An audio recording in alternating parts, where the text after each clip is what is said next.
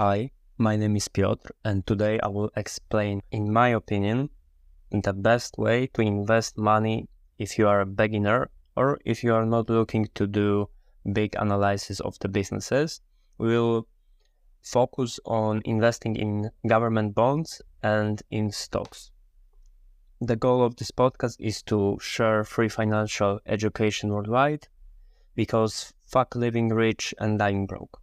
So, we will start with the basic principle of you have to save money in order to invest first. So every month or every couple of months, look at the sum of the money on your bank account and see how much of that money you can invest later.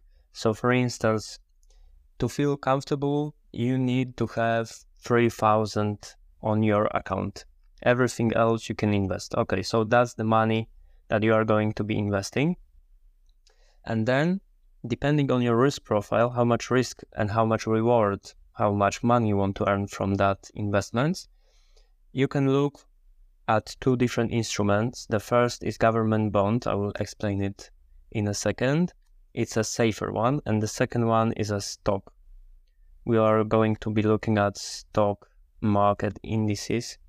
Those are instruments that hold many um, stocks at the same time. So you will be buying the whole countries, not single individual stocks like Apple, Tesla, or Amazon. You are going to be buying 500 biggest companies from USA all at once, and you really don't need a lot of money to buy that. Those uh, funds can cost even sometimes less than ten dollars. But let's start with bonds. They are the safest option you can pick. The bonds work in a way that you lend money to the government. Let's say you give $100 to the government, and after a period of time, let's say one year, the government will give you the money back plus interest. So it's a debt.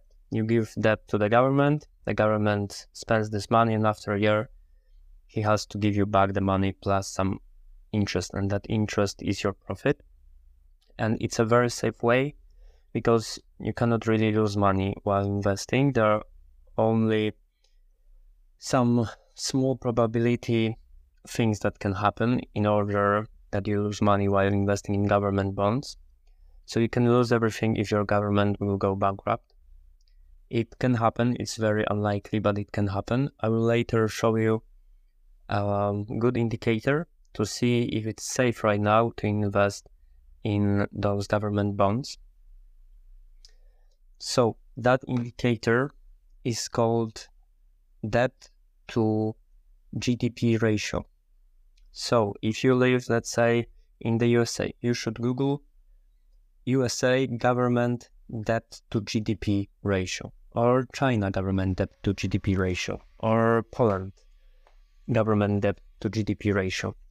And you can very easily find this indicator. It will usually be on a chart so you can see that ratio over last 10 years, let's say. And if this ratio is super high right now, the Japan has this ratio of 200%, meaning that the debt of the government of Japan is 200% of the GDP. So it's twice the GDP of Japan, and it's a very, very high um, debt to GDP ratio. And Poland, for instance, it has debt to GDP ratio of, I think, nearly 50%. So it's, it's much, much safer. And you can compare that um, indicator through time. So if you can see that the debt to GDP ratio is rising in last years, that can be a bad indicator for the future. For instance, the Japanese debt to GDP ratio was rising, I think, since 1995, and it started small but continued to rise. And now Japan has one of the greatest debt um, problems in the whole world. They have so much debt, the government has so much debt. It's not really safe to invest in those Japanese government bonds want this investment to be to be safe. You don't want to lose all of your money, which can happen if your government goes bankrupt, and your government can go bankrupt if they are managing the money in a bad way, if they are uh, borrowing a lot of money, and if they have a lot of a lot of debt. So you have to check that.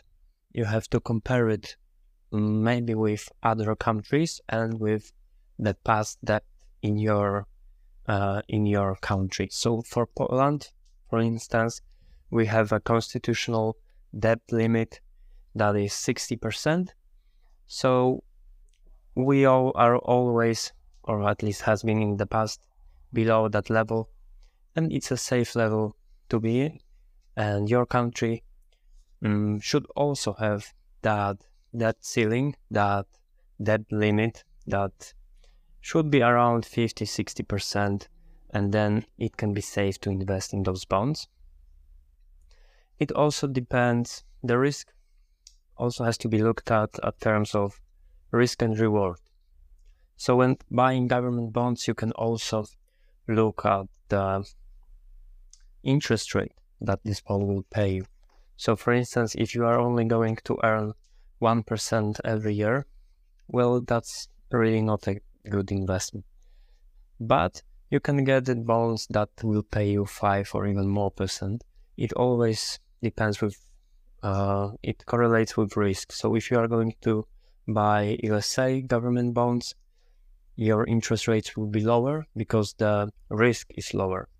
And if you are going to, if you live, for instance, in I know in Asia or in Africa, in some third world or second world country, where the risk of your government going bankrupt is higher, you will also earn more money because it's called risk premium. And you can buy those bonds on any, uh, usually through um, banking sector or through government websites.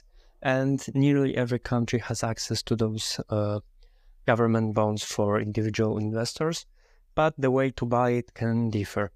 Uh, in USA, I think you can just go online and buy the bonds online. In Poland, you can buy them through your bank. It's very easy and everything can be done online. And opposite to that, we have the stock market investments, where we buy businesses, where we buy companies, and that gives us more earning power. You can earn more money doing that than investing in bonds, but you can also lose money more easily because the prices of bonds they can change. You can buy a bond for $100 and after a few months the price can go down to let's say $80 and if you sell your bond before the full year or the whole period, because sometimes the bonds are for five years or 10 years. If you sell that bond before, mm, like the whole time, it's called maturity. So if you buy a bond for 10 years, 10 year bond, and you decide to sell it after a year, the price of the bond can be lower than the initial purchase amount. So you can lose money this way also on bonds, but the stocks they are more volatile. And on the bonds, after the bonds mature, so if you buy 10 year bond and hold it for 10 years, you are guaranteed to get your money back, 100% of your money back, so that $100 plus all of the interest it can the price of the bond can only change uh, short term if you sell it before it matures. And with the stock market, well, the prices of stocks, as you know, they can change daily, and it's normal for even those indexes that I will explain in a moment to go down 20, 30, or even 50% down uh, in matter of weeks sometimes during stock market crashes. So you really need to be careful and you need to understand that you are ten- taking on risk. So that has to be free money that can just be put on the stock market to work for five or 10 years, maybe even. So you don't have to care about the volatility of the price, of the price going up or down short term. Mm, it will go up, it will go down, and that money just has to stay there on in those indexes and keep on working. So you can buy the stock market index through your broker or through a bank, and it will offer you a way to invest in businesses without doing an in-depth analysis. Um, and you will buy all of the biggest companies all at once. So, for instance, there is this index S&P 500, and it holds 500 biggest stocks from the USA, and you can invest into that index through something called ETFs index ETFs.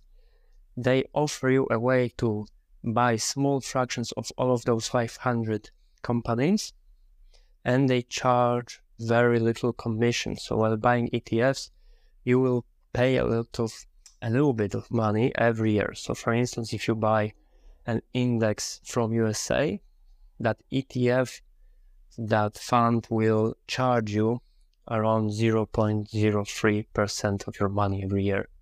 If you buy Chinese index, you will pay around 0.5% of your money every year. So if you invest $100 into Chinese index that has an expense ratio of 0.5% every year, that fund will charge you 50 cents mm, for the management of your money and it will be paid instantly just your money that is invested will go down a little bit. And that index can be analyzed by you a little bit. It's a more in depth approach where you look at the price to earnings ratio of that index. So it's a ratio that tells you after how many years you'll double your money. So if a Polish index, let's say, has a P ratio of 10, that means after 10 years you can expect to double your money. But it's a very simple indicator and it doesn't account for things like growth, for instance. So it only looks at the earnings from the com- the biggest companies in Poland in the last year. And in the future, maybe the earnings will go up or maybe they will go up. We don't know that. It's just a estimate based on the current results. So if you are looking to invest into that stock market index over the period of next 10 years, if the earnings in the economy is going through some slowdown in the last year, then that P ratio can be bigger and that doesn't indicate that the slowdown slowdown of the economy will be going on in the future in the next 10 years. And also sometimes the stock market can crash and it's a really good opportunity to invest because the prices can go down even 50% and that can be a great opportunity to buy a lot of stocks. And if the PE indicator of the index that you are trying to mm, to buy is very high, then you shouldn't purchase it. For me, if the if I look at the index of a developed country like USA or, or Germany, I wouldn't buy that index if the P ratio is above 20. And for third world or second world countries, I wouldn't buy if the P ratio is above 15 like standard P ratio for third and second world countries like Poland or China is around 10, while for USA and Germany it's around 15. And now I will tell you a few names of the indexes that you can look for. So from China we have ASI.fr or XCS6.D E those are two indexes from China. The XCS6.DE is an index that specializes in the technological sector, while ASIFR is an index that is a broad market index that invests in all of the companies from China. From Poland, we have ETF BW20TR.PL that index invests in the biggest 20 companies from Poland. From the USA, we have IUSA.TE. From Singapore, XBAS.DE. From India, NDIA.UK or QDV5.DE. So you can look at those um, ETFs, those are the ETFs that will let you buy those indexes. And depending on your risk profile, you can buy more bonds or more um, indexes. So, summing up, I will also give you some examples.